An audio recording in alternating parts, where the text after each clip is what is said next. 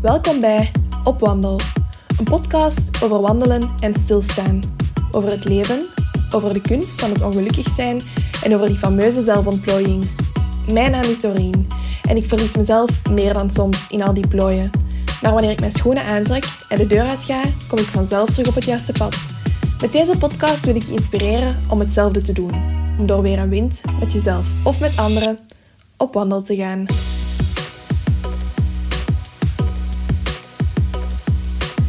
Hallo allemaal, welkom bij een nieuwe aflevering van Op Wandel.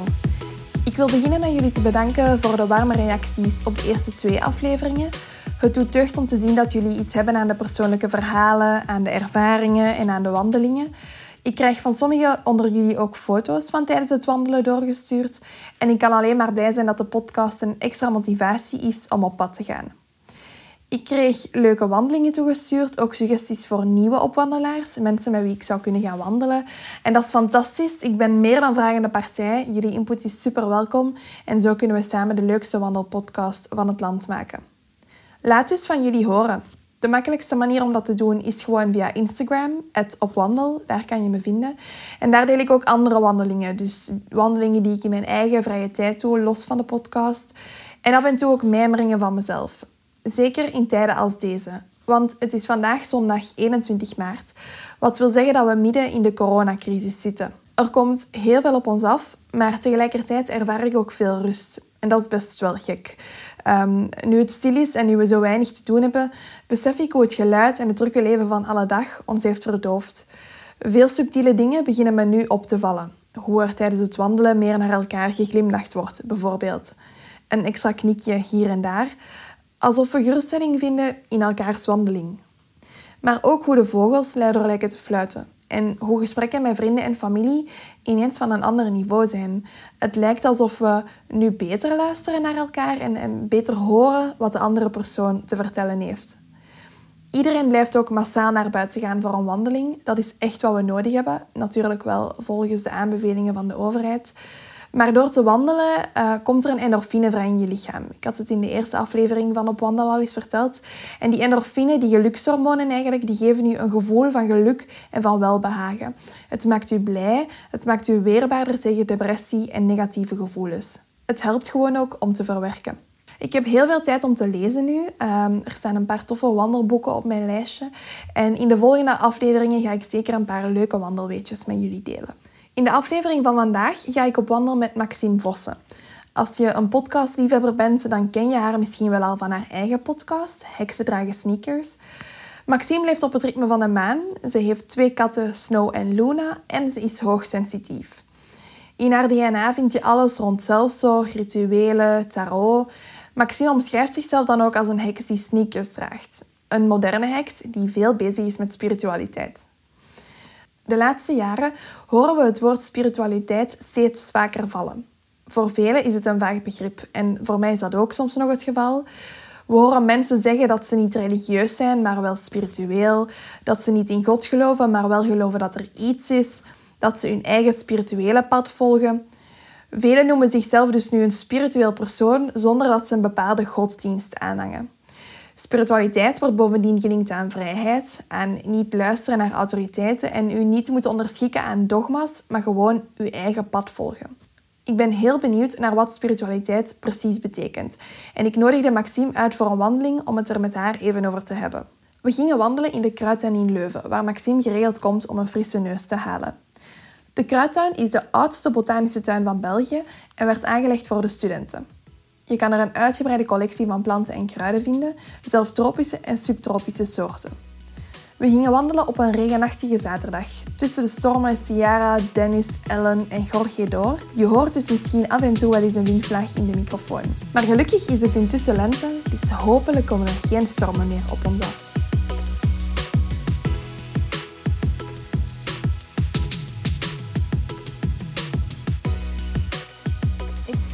Heel vaak. En het grappige is, ik kwam hier vroeger al vaak toen ik nog aan de vaart woonde. Dus dat is zo de andere kant van Leuven. Ja.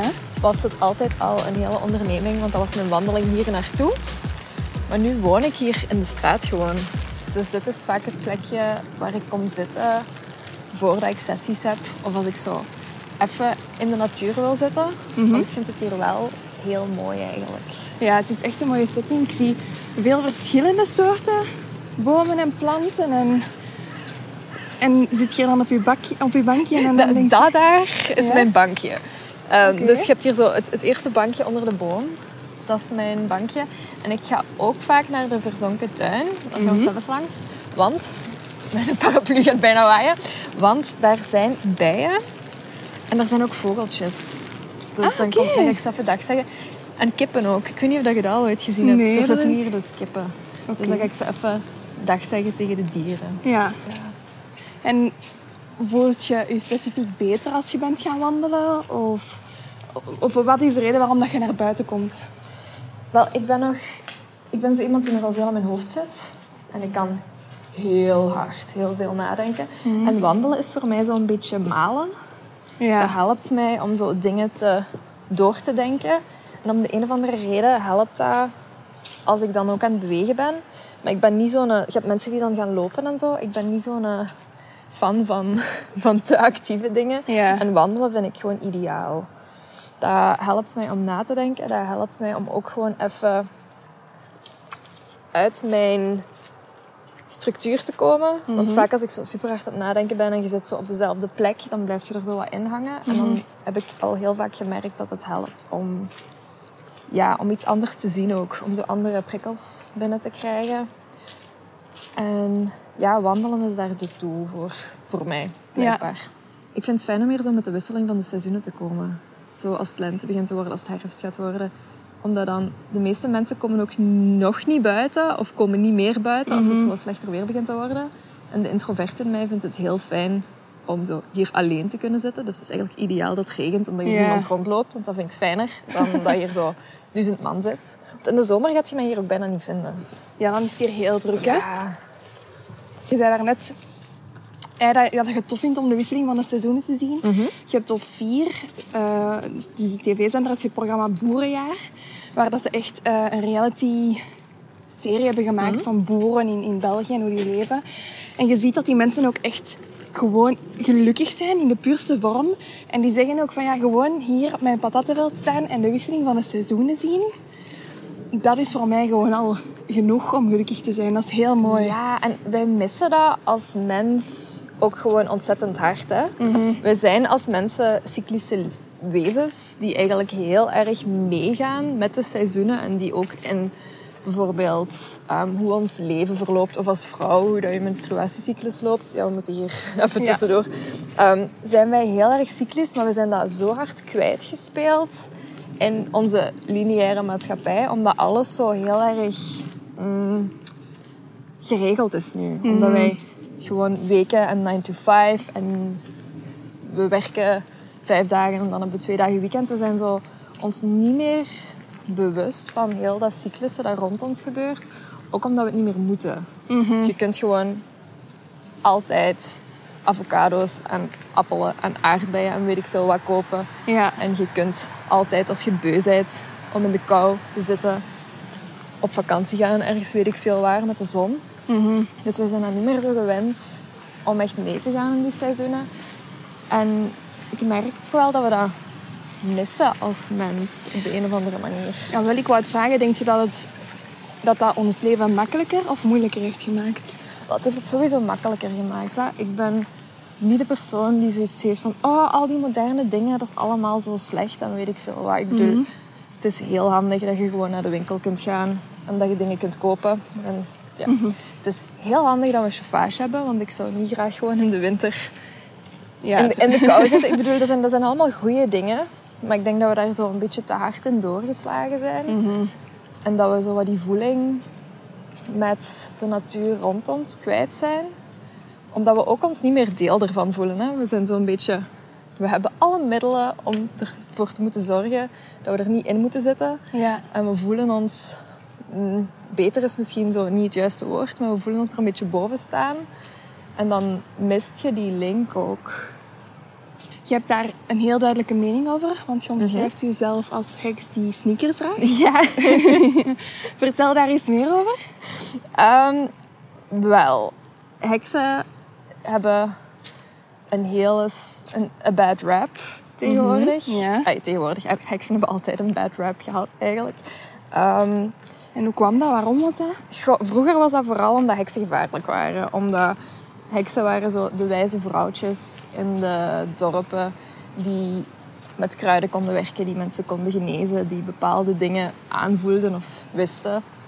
En dan spreek ik over zo de middeleeuwen, hè? zo heksenvervolgingen en zo. Dat, zo. dat is een bad rap. Tegenwoordig hebben heksen een bad rap omdat het spirituele zo nogal zweverig en out there mhm. en een beetje cliché is. Als je zo tegen de meeste mensen zegt van ah, ik ben bezig met spiritualiteit, dan kijken die echt zo van um, maar ik bedoel, je bent 28, je, je hebt tatoeages, je bent redelijk jong. Ik had mij voorgesteld dat je dan zo een bomakke waard met zo geitenwolle sokken. Ja. Die uh, rondloopt in van die gekke gewaden en zo. Ja.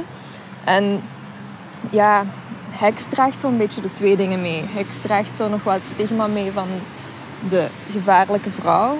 Die misschien iets te veel haar mening deelt en die iets te sterk staat. En dat zien we nu nog terug in heel het feminisme en zo. Hè. Dat mhm, vrouwen gewoon klein moeten zijn en stil moeten zijn. En niet te veel ruimte mogen opnemen. En dan langs de andere kant heel het spiritualiteit is maar een beetje gek. En je gaat die mensen niet serieus nemen. Mm. En het is zo'n beetje... Ja, niet hip. En daarom, daarom zijn wij heksendragen sneakers gestart. Ja.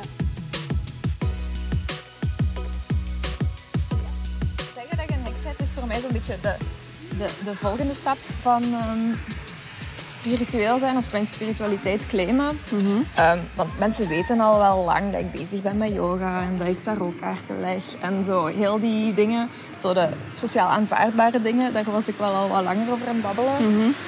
Maar sinds kort heb ik echt zoiets van... Ja, nee. Eigenlijk ben ik basically wel een heks. Of wil ik mij zo wel noemen.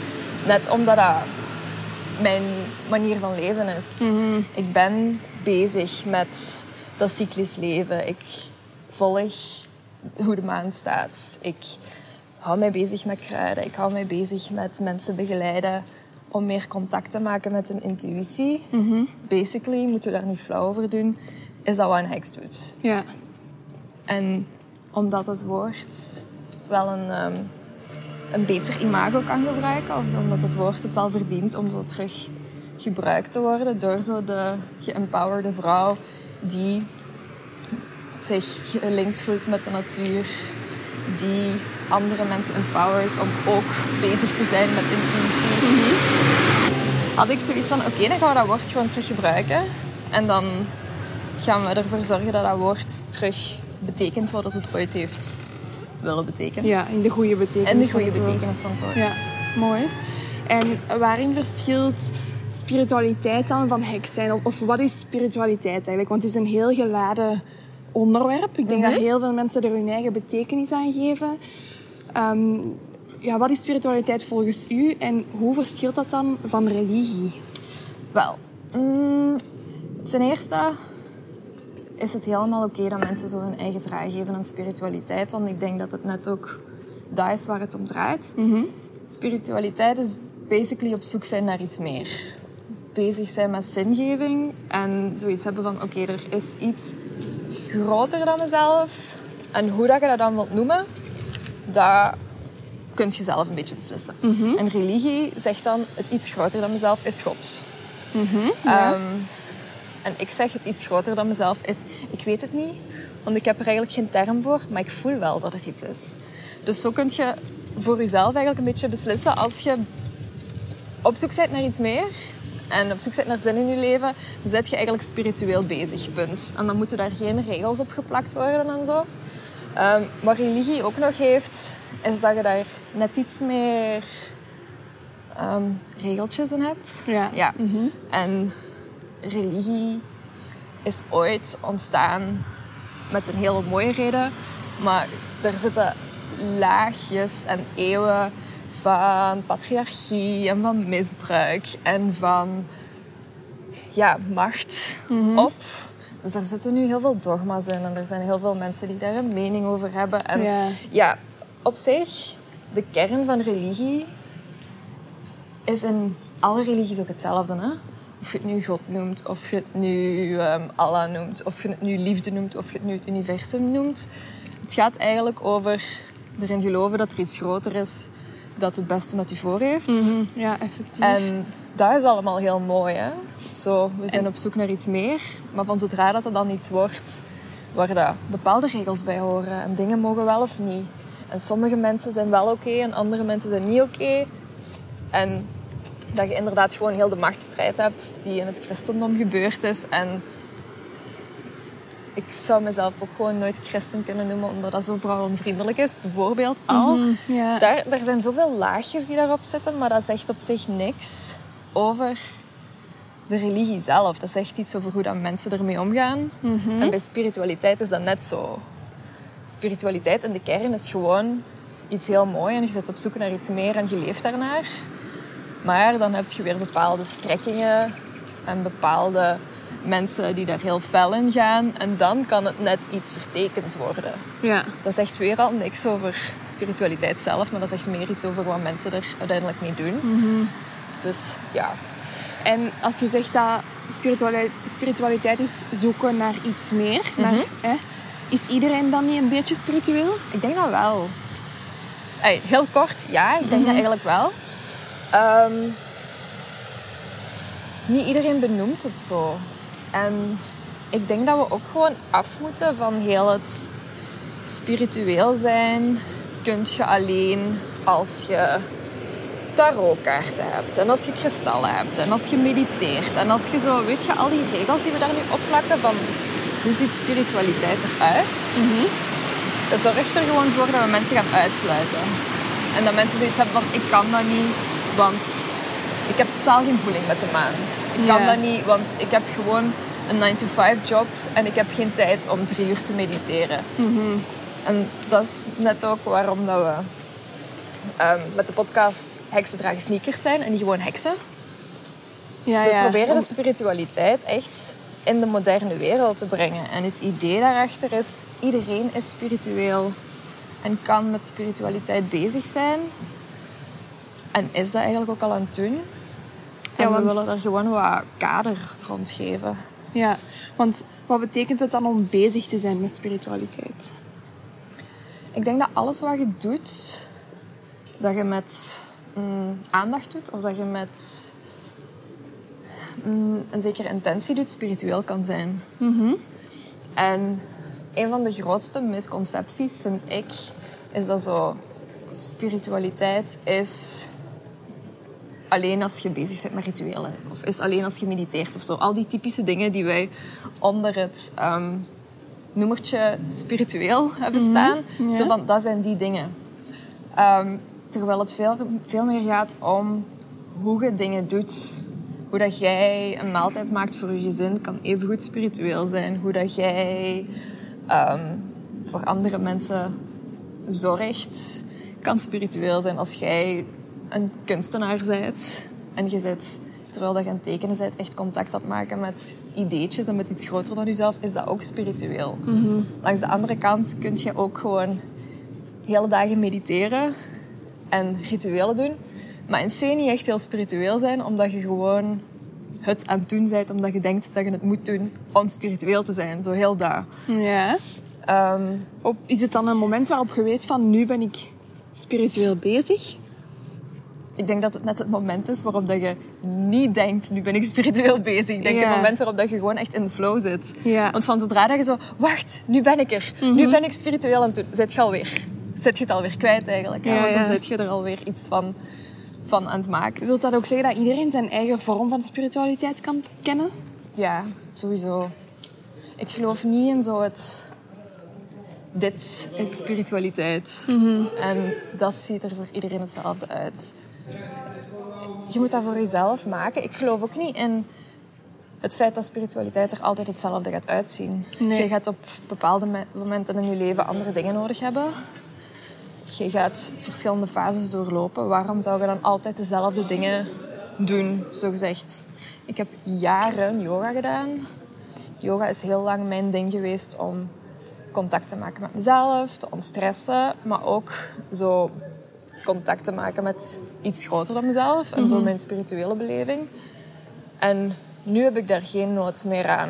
Maar wil dat dan zeggen dat ik minder spiritueel ben als toen ik wel nog yoga deed? Nee, ja. nee, dat- dus dat is zo van... Ik sta er los van. Ja, ik denk ook hoe meer dat je daar open in kunt zijn en hoe meer dat je ruimte kunt laten gewoon voor wat heb ik op dit moment nodig, hoe makkelijker het gaat zijn om in tune en in flow te leven. Ja.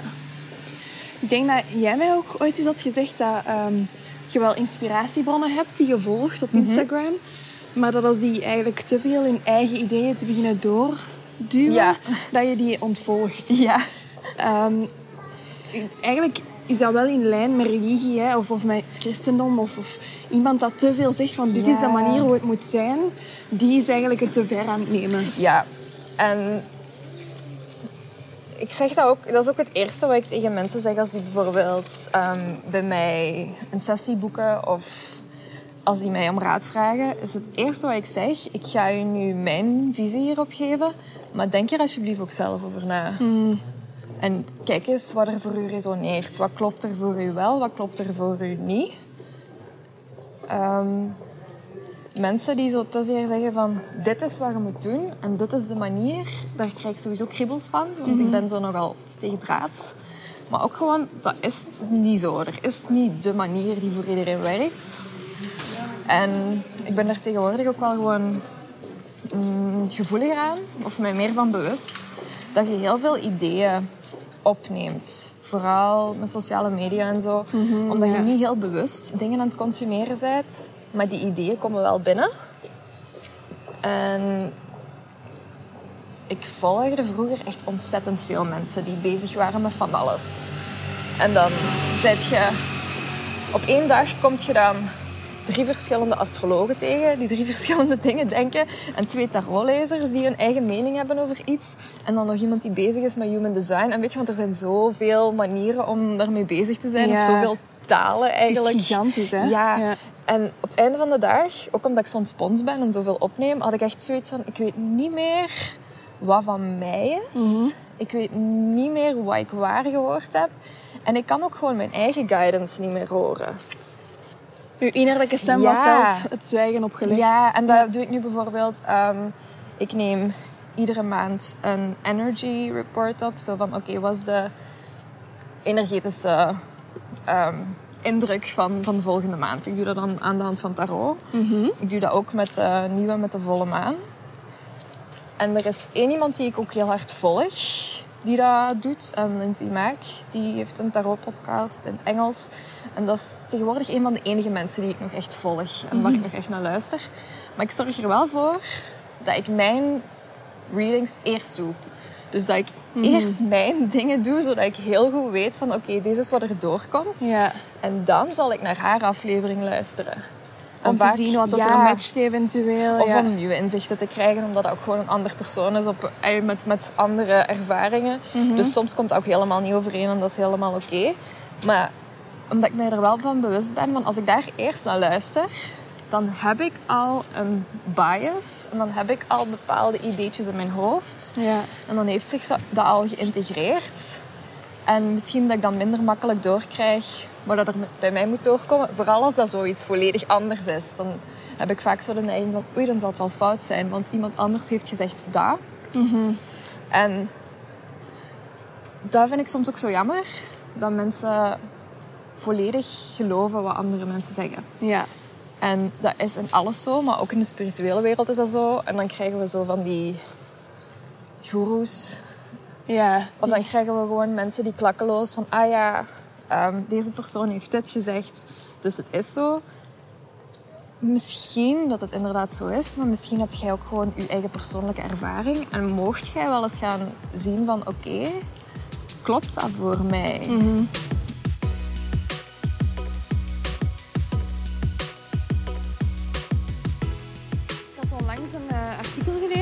over dat millennials eh, ontzettend veel bezig zijn met self-improvement. Ehm, dus dat die echt bewust op zoek gaan naar boeken, artikels, podcasts. Om eh, meer over zichzelf te leren, om meer over ja, hun bestaan in de wereld te mhm. leren, om, om zichzelf echt te gaan verbeteren en dat ze die verandering ook echt willen voelen. Mhm. Maar dat we er zo door geobsedeerd zijn, dat we echt informatie willen blijven oppikken. En als we weer een nieuw boek horen, dan schrijven we dat ook weer op ons lijstje. Maar dat we eigenlijk nooit overgaan tot... Het doen. Het doen en het toepassen. Dus kunnen we concluderen dat um, spiritualiteit erover leren is, maar het effectief dan ook gaan toepassen in ons leven op ons eigen niveau. Ja, en zo, spiritualiteit blijft gewoon heel leeg als het gewoon is, ik lees over van alles. Hè? Mhm. Zo, ah ja, ik heb alles gelezen over meditatie, maar ik heb nog nooit gemediteerd. Dat gaat uw leven niet veranderen, hè? Nee. En ik denk dat we dat sowieso, inderdaad, ik herken mij heel erg in de beschrijving van millennials ook van oh, meer leren en meer weten en dieper nadenken.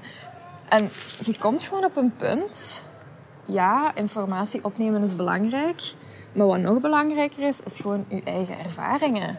En invoelen. En mhm. voelen wat je lichaam wel of niet nodig heeft. Ja. En het inderdaad gaan doen en leren door wat jij doet. Maar ik denk ook dat wij niet graag fouten maken. Dat we gewoon zo willen het is veilig om dingen te blijven opzoeken. Ja. En om aan andere mensen te vragen, van, is dit de goede weg? In plaats van zo zelf dingen te gaan doen en de kans te lopen dat we met ons neus tegen de muur knallen. Ja, daar hebben we inderdaad schrik voor. Ja. Terwijl ja, falen is leren. Falen is leren, sowieso. Dus eigenlijk is falen ook niet falen. Nee. er zitten heel veel negatieve vibes rond dat woord. Hè. Ik word er ook altijd boos van. Ehm, mensen zeggen dat dan zo goed bedoeld. Hè? Je kunt geen foute beslissing maken. Maar als ik zelf echt zo maar rond iets zit te draaien en ik krijg het niet gefixt, dan word ik er heel boos van als mensen dat zeggen. Maar dat is eigenlijk wel zo. Je kunt geen foute, je kunt geen foute beslissing maken. En de grootste fouten tussen aanhalingstekens in mijn leven zijn ook de grootste momenten van groei geweest. Mhm. Die ik niet gemaakt zou hebben als ik niet in die situatie had gezeten. Sommige dingen kun je ook echt niet leren door erover te lezen. Nee. Je moet, dat gewoon, je moet daarin hebben gezeten. In het onderwijs ja. geven we aan de kinderen vakken als godsdienst, maar er is ook de keuze zedeleer. Mm ik heb zelf nooit zedeleer gevolgd, dus ik weet niet wat er exact in die vakken aan bod komt. Maar als we naar ons onderwijssysteem mm kijken vanuit een spirituele bril, wordt dat dan genoeg geleerd aan onze kinderen? Hmm, ja, sowieso niet. Maar ik denk wat ik nog erger vind, is dat zo dingen als zelfzorg en zo niet geleerd worden. Um, en wat verstaat je dan onder zelfzorg? Hmm, in de brede zin, in de van, brede het zin van het woord. Wel, wat we nu leren in het onderwijs is hoe moet ik presteren, hoe moet ik doen en ehm, hoe kan ik zo goed mogelijk functioneren in deze jachtige maatschappij. Mhm.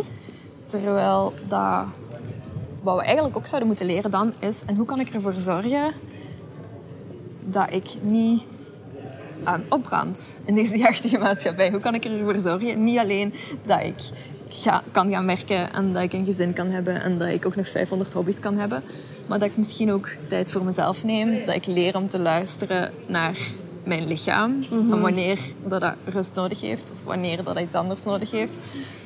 Hoe moet ik omgaan met technologie en zo? Ja. Ik bedoel, ik kom nog uit de generatie dat we vroeger buiten speelden. Hè. Ik klink weer al als een bomma. Iedereen gaat denken dat ik 80 ben. Nee, maar... het, is, effectief zo, hè? ja. En tegenwoordig hebben we echt kinderen die constant met technologie bezig zijn. En ik vind technologie geweldig. Hè. Ik ben de grootste Instagram-fan ooit. Maar ik weet ook van mezelf dat als ik daar geen limitaties op zet, dat ik de godganse dag kan zitten scrollen en de ja. godganse dag met andere dingen bezig kan zijn. En geen momenten tijd heb moeten nemen om te zien van oké, hoe voel ik mij? Moet ik slapen? Heb ik nood aan tijd voor mezelf? Ja. Dus eigenlijk een vak als hoe bescherm ik mezelf in deze ja, maatschappij. Maar dat zeg ik dan ook weer... Allez, mijn situatie is heel specifiek, want ik ben hooggevoelig. Mm en ik ben heel empathisch en ik heb al een burn-out gehad. Mhm.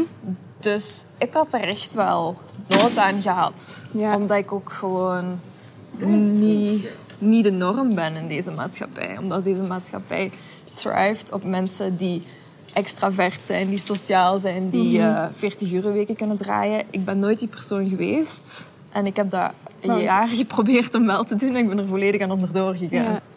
Sowieso wat de maatschappij van ons wilt, kan bijna niemand. Mm En als je dan ook nog eens iets aan de hand hebt, waardoor dat je wat gevoeliger bent, of waardoor dat je psychologisch wat aanleg hebt tot bepaalde dingen, dan heb je al helemaal het gevoel van oei, ik kan hier niet mee. En ik heb Mhm. geen enkel idee hoe ik, hoe ik deze moet aanpassen voor mezelf. Want je krijgt geen andere voorbeelden.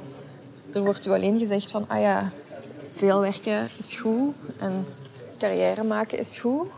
En dat begint de laatste jaren wel wat te kantelen. Omdat we gewoon beginnen te zien dat er veel te veel burn-out is. Dat er veel te Ja. veel mensen uitvallen. Dat het echt niet meer zo werkt. Maar dat begint ook alleen maar te kantelen. Omdat het systeem niet meer kan draaien zo. En omdat het moet kantelen. Niet van, ah ja, we zien ineens de waarde in van gevoelige, introverte mensen bij ons op de werkvloer. Ja, ja. Bijvoorbeeld. Dat brengt ons naar het volgende puntje. Zo de, inderdaad de werkcultuur die heerst in onze maatschappij van vandaag. Ehm, in Finland is het denk ik, zijn ze aan het experimenteren met werkdagen van zes uur. Ehm, is dat iets waar dat we naartoe aan het gaan zijn, denk je? Of hoe kijk je daarnaar? Want je eigen systeem of je eigen routine kunnen bepalen is denk ik wel heel waardevol. Ja, dat is de reden waarom ik zelfstandige ben. Hè. Ja. Ik heb nog nooit in dienst gewerkt. Omdat ik wel al heel snel voelde van... Oké, deze gaat mij totaal niet af. Als ik op een bureau moet zijn, als ik de hele dag tussen mensen moet zijn... Als ik op een schema moet werken dat iemand anders voor mij bepaalt... Dat gaat me niet lukken. Dat is, dat is onder andere een van de redenen waarom ik zelfstandige ben. Ook gewoon omdat ik omdat ik een dienst heb die ik wil aanbieden en omdat ik bepaalde dingen aan het doen ben. Ja. Maar die structuur is wel gewoon heel erg nodig voor mij. Ik weet niet dat ik het zou doen in een 9 to 5. Dat zou voor mij niet werken. Interessant allemaal. Hoe Maxime er bewust voor kiest om het een stukje trager te doen dan de rest van de wereld. En hoe dat voor haar toch wel goed lijkt te werken. Ik vroeg haar ook naar het effect van onze drukke levensstijl op ons fysieke zijn, op onze fysieke gezondheid. En daar heeft Maxime een duidelijke mening over. Ik heb ehm, psychologie gestudeerd. Hè? Ja? Ehm, ik heb daar ook uiteindelijk mijn master niet afgemaakt. Ik heb er ook voor gekozen om niet als psycholoog te gaan werken. Net omdat heel het systeem mij zo tegenstak.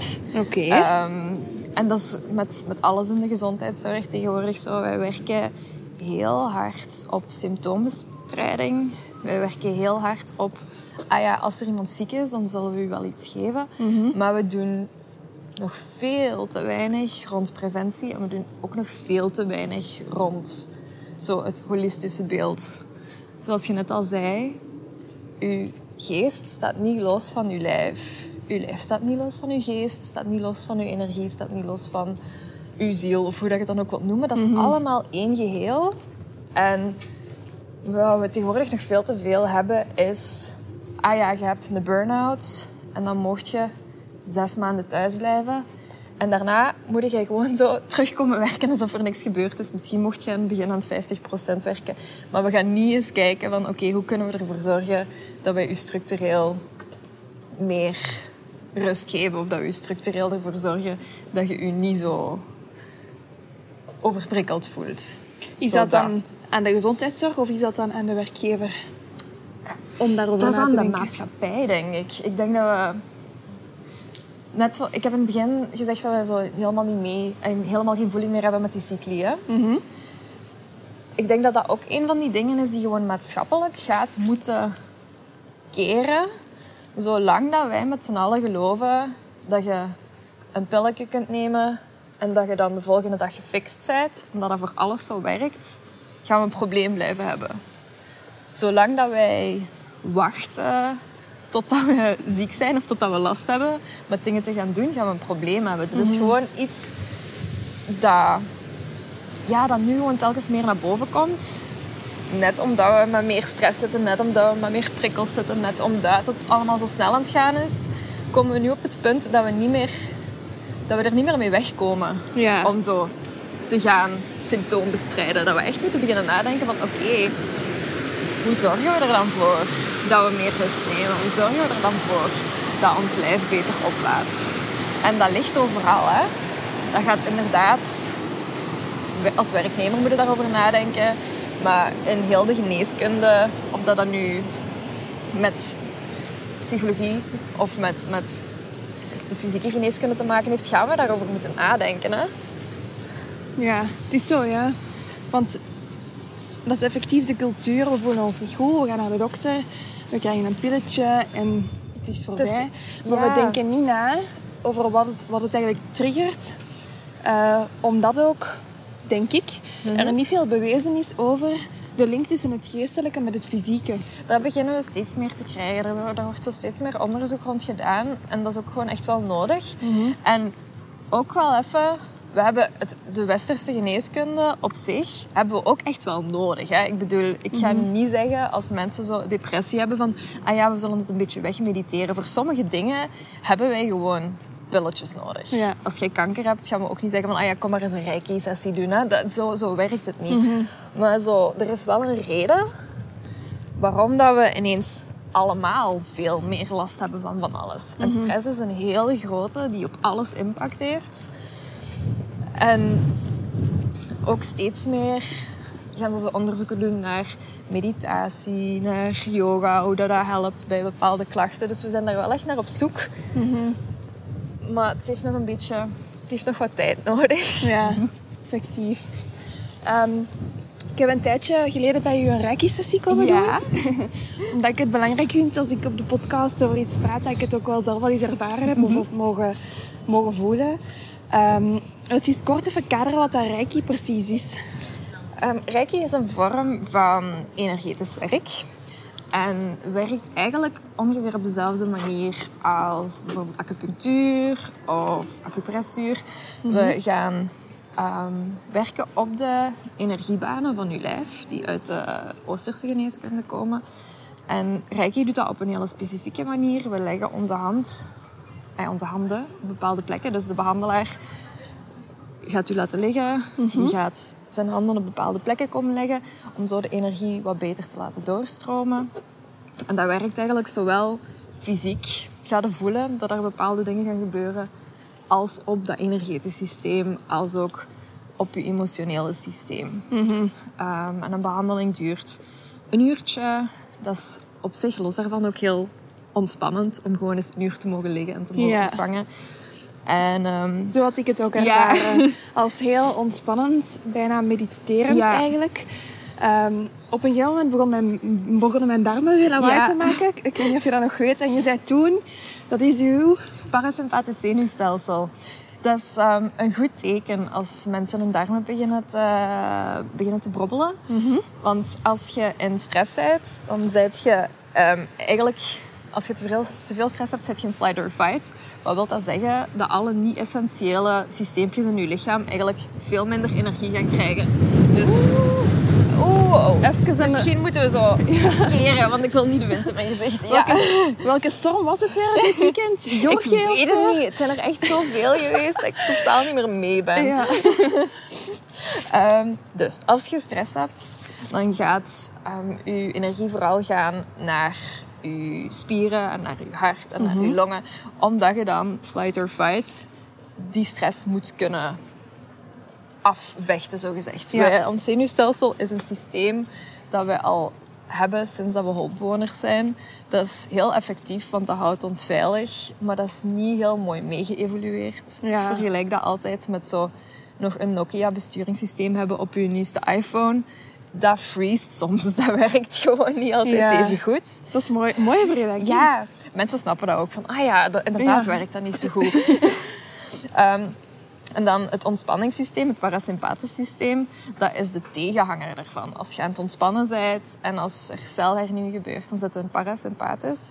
En je hebt altijd een punt in een reiki-behandeling waarop dat mensen daarin zakken. Waarop dat je ook, als je in die, als je in die ontspanning gaat, dan zit je ook aan het herstellen. Dan, mhm. zijn, dan is je batterijtje aan het opladen, dan zijn je cellen aan het hernieuwen en zo. En meestal merk je dat dan omdat de spijsvertering op gang komt. Spijsvertering is niet essentieel als je achterna gezeten wordt door een leeuw, want dan maakt het niet uit of dat je voedingsstoffen opneemt of niet. Maar spijsvertering is wel essentieel om te overleven op lange termijn. En die switch toont dan meestal van, oké, ze zijn aan het ontspannen. Ze zijn er dieper in aan het raken. Dus eigenlijk, allee, ik weet nu dat als mijn darmen beginnen te grommelen of als ik een scheetje moet laten of zo, dat ik eigenlijk helemaal relaxed ben en dat alles Dat je goed bezig bent, ja. Dus dat is eigenlijk een boodschap aan de luisteraars. Ja, vooral ook aan de mensen die zo um, yoga doen of naar de sportles gaan of zo. Ik had dat vroeger in mijn yogalessen altijd, dat mensen zo soms kwamen zeggen zo van sorry dat, dat ik zo'n grommelende maag had. En dan had ik echt zoiets van, maar deze is supergoed. Dus ik heb dat mhm. ook om een keer uitgelegd aan mijn studenten. Van, en als je merkt dat, je ineens zo, dat er ineens van alles in beweging komt, dat is net goed. Je mhm. moet niet zo van, oei, dit is misschien ambetant voor de mensen rond mij. Nee, go you. Je bent aan het ontspannen. Goed zo. Ja. Oké, mooi. Dat is bijna een supergoeie afsluiter. Ja.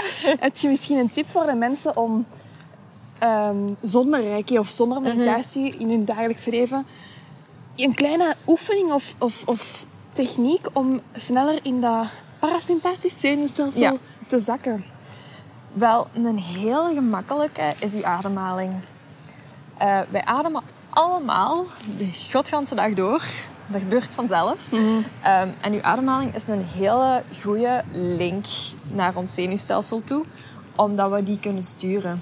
En de handigste manier om te ontspannen is om uw uitademhaling te verlengen. Dus als je een paar keer goed diep inademt en dan uitademt langs je mond, of zo een mhm. keer geven. Ja. Je hebt dat zo soms ehm, ook weer in de yogales dat mensen zo beginnen te gapen. En dat ze nader aan het zeggen oeh, sorry, het was niet saai of zo. Maar dat is ook weer goed, want dat wil ook zeggen dat je lijf zelf probeert om die stress te ontladen en ah, om ja. parasympathisch te komen. Dus geven of een keer goed diep inademen langs je neus en uitademen langs je mond gaat u helpen om in die ontspanning te komen. Ja. Ik onthoud, rommelende darmen in de yogales zijn goed. No more shame in the game. Wie Maxime wil volgen, kan dat doen op Instagram via maximvossen.be en heksendragensneakers. Omwille van de hele coronacrisis is het voorlopig nog onduidelijk wie de volgende opwandelaar zal zijn. De voorbije, maar ook de komende weken heb ik opnames noodgedwongen moeten cancelen. Met spijt in het hart, ik hou jullie op de hoogte via Instagram. Tot de volgende opwandel dus, maar wacht vooral niet tot dan om zelf al in je wandelschoenen te springen. Zorg goed voor jezelf en voor je omgeving en we horen elkaar binnen een dikke maand terug. Bye bye!